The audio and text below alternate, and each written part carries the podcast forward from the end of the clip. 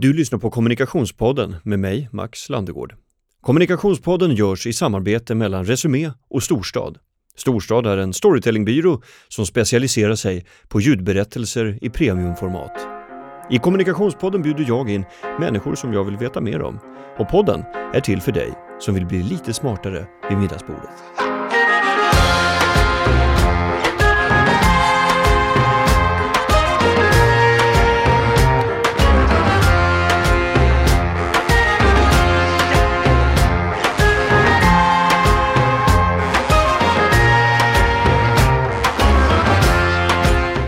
Katarina Gensel Sandberg, välkommen till Kommunikationspodden. Tack så mycket. Senior konsult eh, och på Gullers Grupp och nu eh, ut, nyutgiven författare för den andra boken om strategisk improvisation som du har skrivit tillsammans med Jesper Falkheimer. Vad roligt! Och eh, så, så har du haft en fest i lördags också. Dessutom. Jag firar hela maj kan man säga. Ja, det är ju underbart. Mm. Hade ett 20-mannaband på scenen. Mm. Ja. Gud vad roligt! Då var det ingen strategisk improvisation kan jag säga. De körde supertight. Ja, det var härligt alltså. Mm. Fast är, när man ändå pratar om musik så har ni tagit inspiration av eh, musiken när ni har skrivit den här andra boken. Mm. Jazzmusiken, eller? Jazzmusiken och all musik, kanske konstnärlig verksamhet överhuvudtaget, inte bara musik utan även teater och eh, andra konstformer, eh, matproduktion, vara kock, allting där man kan vara kreativ på olika sätt. Eh, det, är då, det är det som har gjort att det har blivit så spännande tror jag, att vi mm. har kopplat ihop det kreativa och det konstnärliga med det här strategiska, analytiska mm. som vi kommer ifrån många av oss. Ja, men för jag noterade det att ni, ni tackar bland annat en medarbetare vid Kungliga Musikhögskolan. Arne Forsén. Precis, Arne. Forsén. Som är en av dem som har liksom bidragit till att han bokens är, tillblivelse. Precis, han är eh, jazzmusiker, improvisationsmusiker och också lärare på Musikhögskolan. Kolla in honom på Spotify eller lyssna in honom. Han har just släppt en ny skiva, jättehärlig improvisationsjazzmusik på gamla svensk folkmusik. I, innan vi kommer till boken så tänkte jag fråga bara, eh, som seniorkonsult på Gullers, vad, vad gör du? Jag jobbar med eh, uppdragsgivare mycket med samhällskommunikation. Just nu gör jag någonting kring suicidprevention. Det kan handla om antibiotikaresistens eller eh, vacciner eller jag jobbar mycket med klimatfrågor också. Gullers grupp är en sån där byrå som jobbar mycket med samhällsaktörer, eh, olika organisationer som på olika sätt vill påverka samhällets utveckling. Mm. Mycket offentlig sektor? Mycket offentlig sektor, men mm. även privat näringsliv såklart. Det är ju många av oss som agerar i gränslandet. För nu, nu räcker det ju inte bara med att leverera finansiella resultat till sina aktieägare, utan ska man vara framgångsrik så krävs det att man levererar värden också på andra sätt. Som arbetsgivare eller som klimatpåverkare eller mm. Eh, som eh, en eh, social aktör i sitt närsamhälle. Det finns väl en lag som säger nu att om du är en, ett bolag med över 250 anställda så måste du också släppa en hållbarhetsrapport mm. i samband med bokslut. Mm. Så att, det har vi väl bara sett början av. Det tror jag, jag också. När man läser sådana där hållbarhetsrapporter blir man imponerad över hur mycket bidrag man kan bidra med på olika sätt. Jag läste bland annat SCAs här i veckan. Blev helt fascinerad över hur, vilket kretslopp det finns kring pappers och trämasseproduktion. Mm. Hur, hur pass mogna är folk i sitt tänk kring hållbarhet, skulle du säga? Oj, ja, det, jag är nog fel person att, fråga, att svara på den frågan faktiskt. Men eh, det är klart att vi är ju alla blivit väldigt mycket mer medvetna om detta. Eh, det är bara att höra på nyheterna varenda dag om, senast i morse var det om vilk, hur tar man sig till Bryssel som EU-parlamentariker? Tar man tåget eller tar man flyget? Det där kommer vi ha en ständig fråga framåt tror jag. Ja, och hållbarhetstanken har ju också blivit eh, en, en argumentationsmodell i, i frågor om till exempel den här ben, bensin skatten så finns det ju de som, de som är för har ju sina argument med eh, och de som är emot tänker ju att elbilarna, produktionen utav den utgör också en belastning på naturen och så vidare. Så att det är liksom kunskap eh, blir ju ett eh, argument och det är väl bara bra mm. att folk vill bli mer kunniga. Mm. Eh, som sagt, det här är den andra boken som du skriver med Jesper Falkheimer om strategisk improvisation. Eh, vad har den andra boken som, som ni saknade i den första? Den första boken den handlade om kommunikation och vi som jobbar med kommunikation, hur vi kan bli bättre på att inte bara strategiskt planera allt vi ska utan också ta tillfället i akt. Men det vi såg ganska snabbt, framförallt när vi var ute och pratade med folk, var att det här är inte bara en fråga för oss som jobbar med kommunikation till professionellt, utan det här kan man ju applicera på väldigt många områden. Eh, och om det nu är så att organisationer och företag måste bli mycket, mycket mer adaptiva och flexibla för att överhuvudtaget vara liksom relevanta i samhället, så måste ju de också bli bättre på att strategiskt improvisera. Eh, och då tänkte vi att ledarskapet är ju jätteintressant. Hur leder man sådana verksamheter? Hur, hur, organiserar man dem? Hur planerar man i dem? Och hur leder man andra i dem? Så ena delen av boken eh, handlar ganska mycket om en genomgång av hur har man sett på managementutveckling och på ledarens roll i en organisation. Det är liksom en del av den. Och den andra delen bygger på intervjuer med kända och mindre kända ledare som alla har det gemensamt att de dels har varit, eh, fått pris för sitt ledarskap eller att de leder andra som måste ta egna beslut och ta tillfället i akt. Där. Mm. Det går liksom inte att vänta tre veckor på något referensgruppsmöte eller ringa chefen, hur gör jag nu? Nej. Eh, det mest tydliga exemplet är Stefan Hector som är eh, polisens chef för nationella insatsstyrkan och som ledde terrorattentatet vid Drottninggatan. Just det, och tillika blev utsedd till eh, årets, årets superkommunikatör. Va? Precis så. Och det är ju så tydligt, där är det så oerhört tydligt. Vad, hur gör man när man vet att det har hänt något på Drottninggatan och han ska skicka ut ett antal av sina medarbetare till en, en plats, en skåd, en, ett scenario som ingen har en aning om hur det ser ut där. Det, det, går inte att de alla ringer. Hur ska jag göra nu? Vad händer nu? Ingen har överblicken. Eh, och det var otroligt spännande att intervjua honom, hur han ser på sitt ledarskap och hur han, hur han får de här människorna att känna sig trygga och veta vad de gör och att liksom agera i rätt riktning. Så det är ett exempel. Ett annat exempel är Silla Bänke som är VD på Sveriges Radio, mm. som ju är en organisation som har genomgått enorma förändringar, men inte bara teknikutvecklingen utan också den här public service Eh, rollen som till och med idag är helt ifrågasatt just denna morgon av Moderaterna här i Stockholm. Ja just Men, det, precis. Eh, Moderaterna i Stockholms län har, har eh, röstat igenom att de vill lägga ner PS-bolagen. Ja. Eh, mm. Men det, det, i hennes fall var det ju så att hon sa att när hon tillträdde som VD då fanns, fanns det en, en ordning att hade du en bra idé på Sveriges Radio då gällde det att ha den i oktober, november för det var då budgeten sattes för nästa år. Mm. Och eh, missar du den, det lilla fönstret, då fick du vänta ett år tills det var dags för en ny budgetomgång. Ja. Och det går ju inte. Det är ju en väldigt linjärt sätt att se på det. Eh, mm. Utan eh, där ska man kunna improvisera, ska man kunna vara innovativ, ska man kunna följa med i i, i samhällsutvecklingen, då kan man inte ha de planeringshorisonterna. Eh, Nej, alltså jag tänker bara på en frå mm. mm. fråga här när, mm. när, när du pratar om Stefan Hector till exempel, mm. att du måste liksom skapa ett tilli, nu min tolkning här, men ett tillitsfullt ledarskap som gör att människor känner sig trygga att kunna fatta egna beslut. Men handlar det, för ni, ni har ju här en, i boken så pratar ni om en liten modell som jag tycker är ganska intressant om stödjande, förklarande, instruerande och sen delegerande ledarskap som alla tycker jag kan sägas vara anpassat efter vilken kompetens du har som medarbetare. Vilken typ av stöd eller så är du i sådana fall i behovet av, av din chef. Och när, när, när jag hör dig säga det där med Stefan Hector och så läser jag den här modellen att eh, handlar det inte om egentligen hur pass kompetenta medarbetare du har omkring dig? Att det, det är först då du vågar eh, visa tillit för då, då, kan du också slippa instruera. Så att det är väldigt lätt att vara strategisk improvisatör om du har kompetenta medarbetare. Ja, eh, och det är också väldigt viktigt att poängtera det att det är ju inte alla medarbetare som ska slängas ut i de värsta terrordraman på en gång.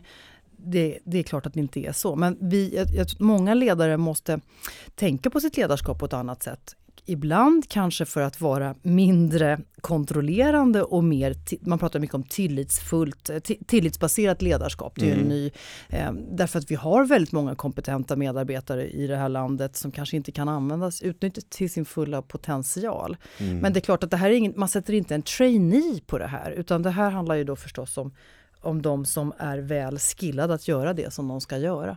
Mm. Oavsett om det är en eh, polis eller om det är en eh, kock på restaurang Bastard i Malmö. Men det finns ju en grupp här eh, en intervju är gjord med eh, Anna-Karin Hennig som eh, var ledare för en scout jamboree 12 000, 12, 11 000 12-åringar på ett mm. stort fält utanför Kristianstad. Ja men en sån har jag varit på, jag är ju gammal då scout. Vet, då vet du att det är ju inte riktigt alltid jätte välutbildade ledare som får väldigt viktiga ansvar mm. eh, och får göra väldigt mycket. Och i hennes ledarskap, det är ju jättespännande att höra hur de ser. Det som är intressant är ju att alla de här personerna, oavsett om det är en 15-åring som ska leda folk på ett fält eller om det är en kock som ska bli ledd i, i kvällens meny eller om mm. det är mm. Stefan Hector, det är att de, det, här, det finns liksom tre grundprinciper som är gemensamma för dem alla. Och de där, det var ju var inget svårt faktiskt att hitta dem. Jag gjorde ett antal intervjuer med de här personerna och ganska snart så ser man att ni har ju samma ingångsvärde till hur ni vill leda. Och det ena är ju eh, förstås det här med att skapa en trygghet, att man måste känna att, att, man, att man vågar, att, man, att det är okej okay om det blir fel till exempel.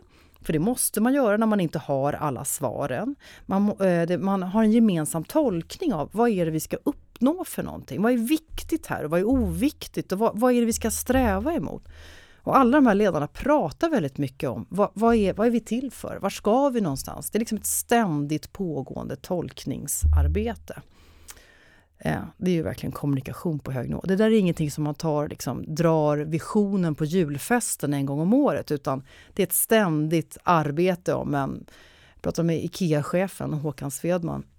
De pratar ju alltid om vad är IKEA? Varför är det här IKEA? Varför är det här inte IKEA? De har ju till och med en möbelhandlares testamente som är någon slags manual för vad, vad är IKEA? Som inte är det här affärsplanen, si och så mycket ska vi växa i år, vi ska satsa på det här segmentet. Och, alltså det som är mer det som vi kallar för kompositionen och grundstrukturen. Utan det, den här tolkningen är überviktig.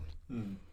Eh, och i den ligger det här med mod förstås och väl, hur, att det inte är fel att göra fel. Mm. Det kommer att bli fel. Det går inte att lära sig skjuta rätt med pistol om man inte har skjutit, missat ett antal gånger innan först. Mm, ja, jag, jag, tycker det är väldigt intressant det här som ni är inne på med omvärldstrenderna. Eh, som ni inleder boken med. Eh, vill, du berätta först lite om dem, omvärldstrenderna som ni har gjort? Du behöver inte redogöra för precis allihop utan kanske några som mm. sticker ut. Mm. Um, Ett slags premiss för boken så att säga. Mm. Var ni tar avstamp ifrån. Precis. Ja, jag kan ju lägga ut texten här som på ett sätt som ni alla nog har hört som lyssnar också om att världen förändras så snabbt, den är, det är omöjligt att förutse vad som ska hända imorgon, teknikutvecklingen, AI, mm. vi vet In inte. a world! Ja, precis. Det blir nästan lite tjatigt. Eh, men det är klart att det finns ju ett antal omvärldstrender som vi liksom har gått igenom och det är klart att informationsflödet bara ökar vilket gör att det blir osäkerhet. Vad är sant? Vad är falskt? Hur ska jag bedöma den här informationen? Vad, vilken information behöver jag för att kunna ta ett bra beslut? Det är en sån där. Och sen är hela, hela den här automatiseringsprocessen och AI och digitaliseringen. Eh, som, eh, och sen har vi hela segregationen och vi har liksom det här gränsöverskridande, vi har globaliseringen. Massor med processer som pågår vilket gör att utmaningarna blir ju större och svårare. Det blir allt svårare att göra den här linjära planeringen. Mm.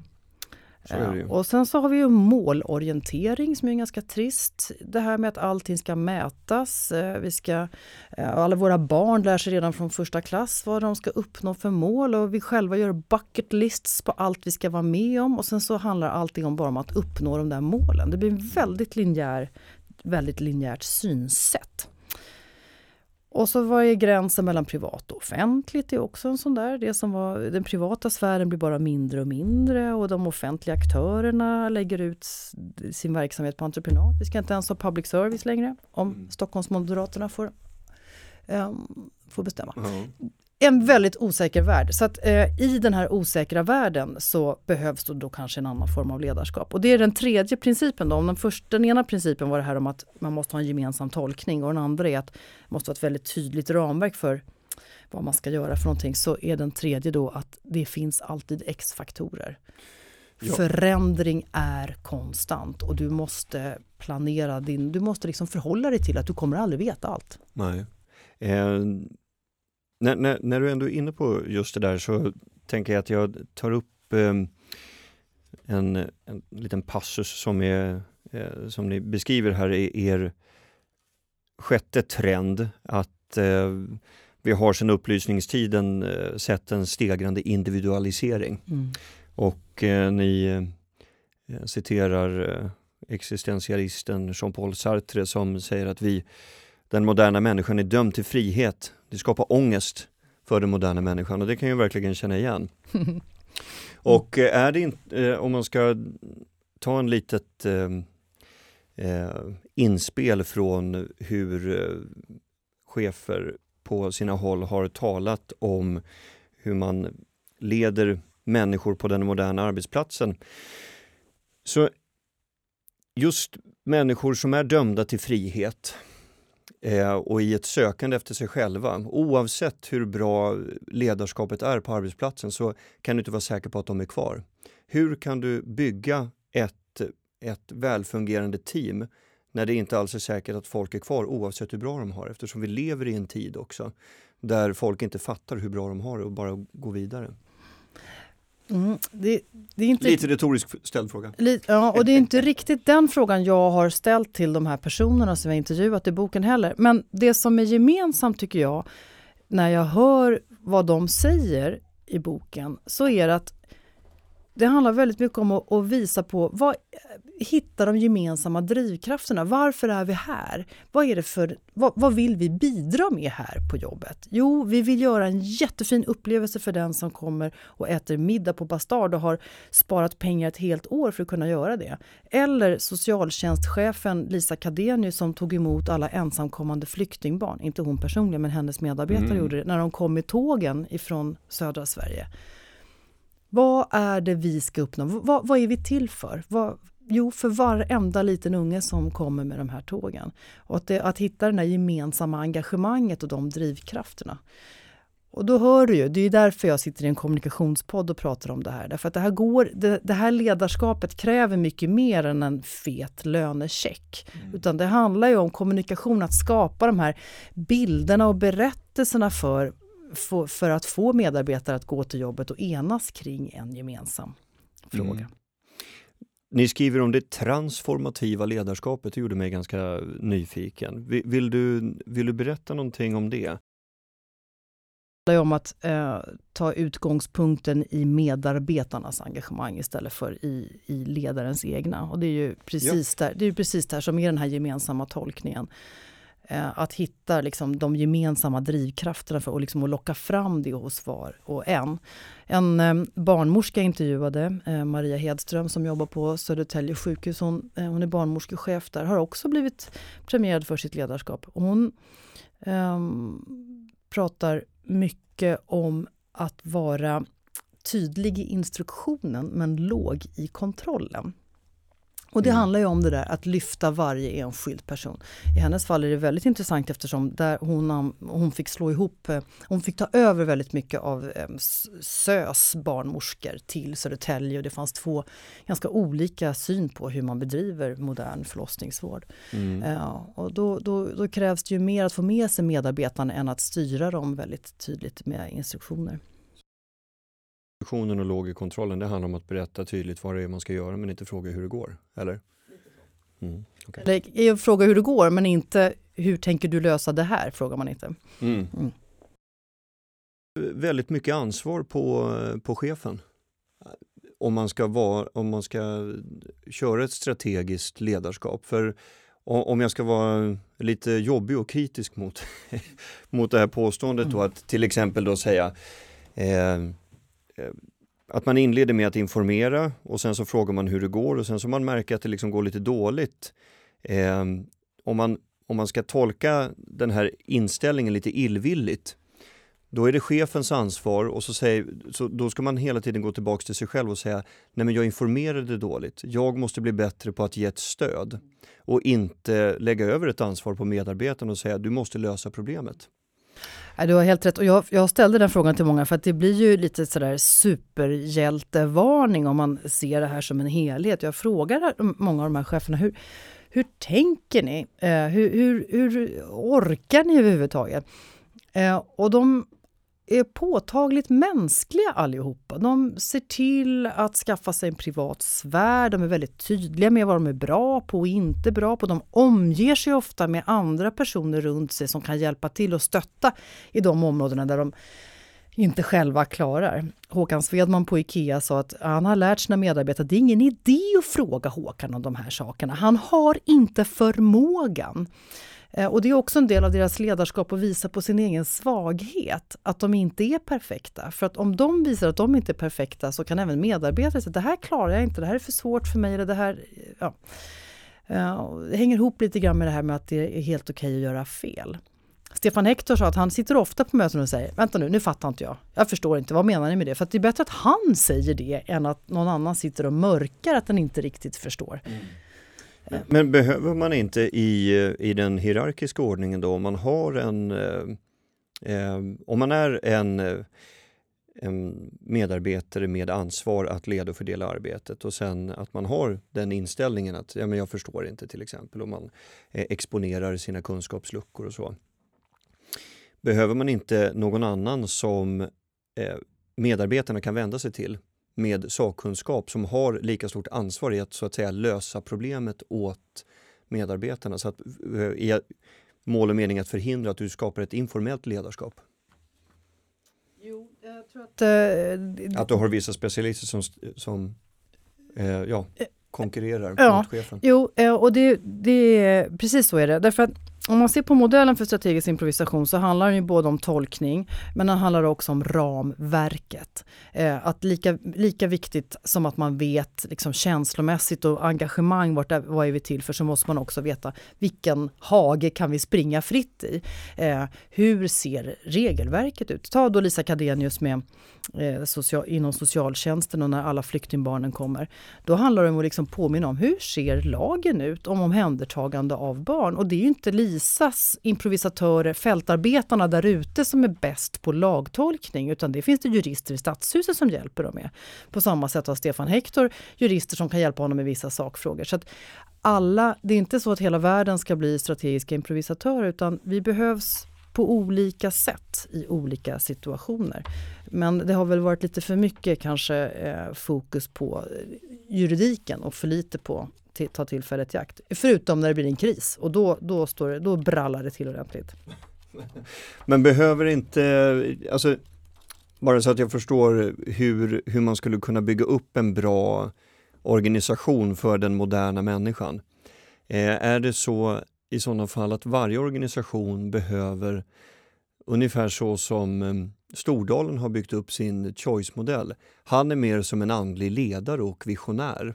Och sen har han andra medarbetare som också har eh, ett personalansvar men som sköter citat papper och sånt, slutcitat.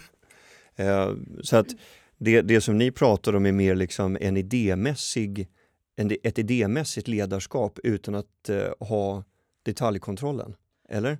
Ja, jag kan inte Stordalen i detalj, men jag kan tänka mig att eh, jag kan förstå att han är väldigt mycket den visionära och han är ju en enormt kommunikativ person. Eh, och det är ju det vi ser som ett genomgående tema hos de här som vi har intervjuat, att de är verkligen det. Eh, men jag, framförallt att ensam är inte stark, utan att det behöver finnas ett, liksom en, en krets runt som kan eh, som kan stötta där man själv har svagheter. Jag återkommer till den här frågan för det, det är någonting som ni lyfter fram och, och sätter ganska eh, stort fokus på att eh, den gamla tidens chefer var de som var bäst specialister på det området eh, eller den sektorn som de sen blev chefer i.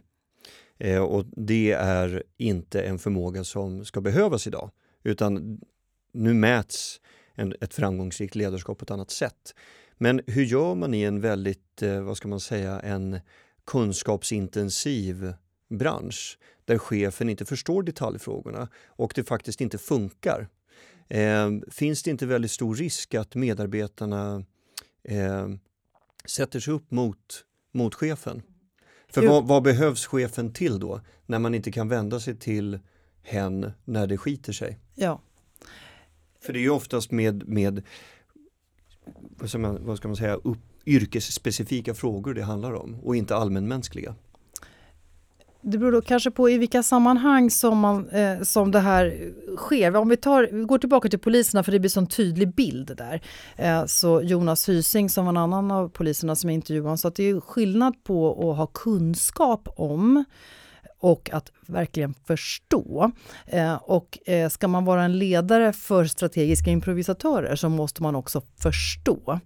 För att annars så, så, så, så, hamnar man precis i det där som du beskriver, att man inte har någon trovärdighet. Men det är också så att ingen är bättre på att avgöra vad som krävs där ute i det gathörnet på någon tvärgata till Drottninggatan just då än den personen som står där. Jonas eller Stefan som sitter någon annanstans kan inte ta ett bra beslut där. Och det, det, just det, beslut är också väldigt intressant i det här. Eh, för man pratar mycket om vad, vad eh, man skiljer på optimala beslut och funktionella beslut. Eh, och att i den här världen, när det går så fort, så går det inte att ha som mål att ta optimala beslut. För det vet du först om tre veckor om det var ett optimalt beslut och då har tjuven redan åkt därifrån. Du kan inte vänta på att förankra det här utan, eller ta det i någon referensgrupp eller så, utan du får ta ett funktionellt beslut. Så vitt jag vet så är det här bra just nu. Om tre veckor kanske det visar sig att det var mindre bra, men vi kan inte vänta på det. Eh, så att den som vinner är den som tar de minst dåliga besluten, inte den som tar det absolut bästa beslutet. Mm. Um, vem har du skrivit boken för? Vi har skrivit boken för alla ledare i företag, organisationer som vill bli mer moderna i sitt ledarskap och som inser att de agerar i en värld som inte bara består av de egna korridorerna utan i ett samspel med det omgivande samhället och med medarbetare och presumtiva medarbetare och intressenter och ja, alla sådana. I boken så eh, pratar ni om att man ska skippa mål. KPIer. I en värld där allting ska mätas så ska man inte mäta längre, eller? Man ska, nej, eftersom det är omöjligt att avgöra vad som är en relevant KPI om tre månader eller sex månader så, så blir det ganska meningslösa mått. Men det är klart man måste mäta, framförallt måste man lära sig av det man gör. Vad, vad, vad funkar bra och vad funkar mindre bra? Men vi menar inte att KPI ska försvinna från alla möjliga sammanhang. Men i de, i de situationer där det ändå är omöjligt att förutse allting mm. så blir den här målfokuseringen ganska felaktig. Jag har ju hört tusen exempel på budgetprocesser där man ska månad för månad bestämma vad man ska göra. Eh, och sen när månad två inträder då inser man att nej, men det här är helt feltänkt och nu har ju det här hänt och det hänt och vi skulle egentligen behöva lägga mer pengar i april än vad vi gjorde i maj men det kan vi inte. Eh, och istället så börjar man göra det som man hade planerat för ett halvår innan istället för det som faktiskt skulle göra mest nytta. Och då, då gör man en budget för att då, då jobbar man för att, för att uppnå budget och inte för att uppnå några mål. Det där är ju väldigt intressant. Alltså i, eh, som, som, vi var inne på tidigare så är det en, en föränderlig värld och eh, det enda man kan vara säker på i just den tiden vi lever i nu, det, det är ju någonting som stressas från många olika håll. Att det enda man kan vara säker på är att man inte kan vara säker på någonting. Det är en inställning som präglar vår samtid väldigt mycket. Eh, men samtidigt eh, måste väl målen finnas där, tänker jag. Mm. Eller? Ja. Är jag väldigt konservativ Nej, som målen måste så? finnas där. Målen, det är det som är den gemensamma tolkningen. Var ska vi? Vad vill vi? Vad är, vi, vad är vår vad är vårt värde? Hur bidrar vi till det här samhället? Mm. Till våra aktieägare eller våra, våra skattebetalare eller våra medarbetare eller till vårt samhälle? Det är klart att det måste finnas så. Eh, en av dem jag intervjuat är eh, jobbar på Hägglunds, BAE Systems, Hägglunds i Övik. De tillverkar... Vapentillverkaren? Ja, i alla fall eh, bandvagnar och sånt. Eh, och, eh, försvarsindustri. Försvarsindustri. Mm. Eh, han har ju jättetydliga mål från sin amerikanska ägare. Men han har ju också mål för hur han ska vara som en, en den största arbetsgivaren, den största aktören i Örnsköldsvik. Det är minst lika viktigt för honom. Mm. Så vad är ett bra mål? Är det, är, är det att man ska mer titta på anseendeindex än på antal pressklipp? Jättekonstig jämförelse. Ja, och, jag säger, och mitt svar blir 3,14. Ja, det går inte att svara på den frågan. Nej, nej, men, nej, men jag bara undrar för, eh, för, för jag, kan, jag kan hålla med om att det är, det är en väldigt eh, det är ju också en ganska disruptiv tid med eh, sociala medier också. Jag menar nu, nu när man eh, har haft Facebook i 12 år så mm, kan man ju mäta eh, framgångar och motgångar på ett helt annat sätt. Eh, hur trenderna har sett ut och eh, Media Week publicerade ju en undersökning för bara, jag tror det var två eller tre veckor sedan, där de hade intervjuat marknadschefer om hur de tyckte att det hade blivit någon ROI på deras sociala mediekampanjer och det var bara 25% som kunde visa på att deras sociala mediekampanjer faktiskt hade gett någon return on investment. Eh, så att eh, det är väl det också, att man har nya kanaler som man inte riktigt vet vad, vad, vad det leder till att bli exponerad och liksom investera i en sån plattform. Det är mest att all, man måste vara med lite överallt för man vet inte vad, vad som kommer vara relevant imorgon. Eller? Mm. Nej, men eh, jag tänker också eh, att jag tittar här nu på Anna-Karin Hennig som ska göra en scout jamboree. Vad, vad är målet för en scout jamboree? Ja, målet är väl att ungarna ska ha roligt, det, ingen ska dö, eh, de ska komma hem hela och rena. Ja, men, jag blir, man blir ju nästan raljant. Men, ja. eh, eh, hon säger i texten här att man måste formulera målet på ett sätt som landar i magen på medarbetarna. Huvudet är med, men det är magen som leder oss rätt. Mm. Um, några kopior blir nog svårt i det sammanhanget. Ja. Jo, men jag tänker scouter, där, där kan man verkligen förstå att man kanske tittar lite mer på, på den typen av mål. Men om man eh, producerar eh, färdigskivat bröd eller galgar, hur ska man tänka då om, om KPI inte känns relevanta i i vår kontext idag? Ja, eh, ja det är inte sådana företag och organisationer som jag egentligen har pratat med på det Nej. sättet. Därför att de är inte, det är ju inte samhällsaktörer kanske lika tydligt som en blåljusmyndighet eller en scoutverksamhet eller ja, för sig Åre choklad är med. Mm. Eh, Just det. kan man ju säga är en men det är det är nästan det är tillverkningsindustri mm. och de har ju ett annat mål. Som, från början så var ju deras idé också att finnas på plats i Åre och göra Åre till en plats där man kan... Det finns ett samhällsaktörsperspektiv i att vara en viktig arbetsgivare i Åre och mm. kunna erbjuda praktikplats för nyanlända. Så det mm. finns ju flera eh, dimensioner i deras uppdrag. Hur, eh, eh hur ser året med boken ut nu då, framgent? Ja, just nu är vi eh, både jag och Jesper på olika håll, ibland tillsammans, ibland var för sig och eh, gör rätt mycket inspirationsföreläsningar och seminarier kring det här. Mycket chefsnätverk och mycket kommunikatörer förstås. Eh, och både för att och, visa på kolla här, all den här kunskapen har vi fast vi vet inte riktigt om att det är det vi gör. Så här må, jobbar många chefer men kanske inte har riktigt fått någon modell för det. Dels det men också titta på vad krävs av en organisation för att faktiskt kunna vara mer flexibel och strategiskt eh, improviserad i vardagen? Vad krävs av eh, eh liksom arbetssätt och funktioner och organisation. Och, vi kanske inte är inne så mycket mer och petar i just budgetprocesserna mer än att vi pekar på att de kan styra helt fel. Mm. Jag förstår. Mm. Intressant. Mm. Eh, strategisk improvisation, ledarskap för samhällsaktörer finns ute nu. Den är skriven av Jesper Falkheimer och även veckans gäst Katarina Gensel Sandberg. Stort tack för att du ville vara med i Kommunikationspodden. Tack Max.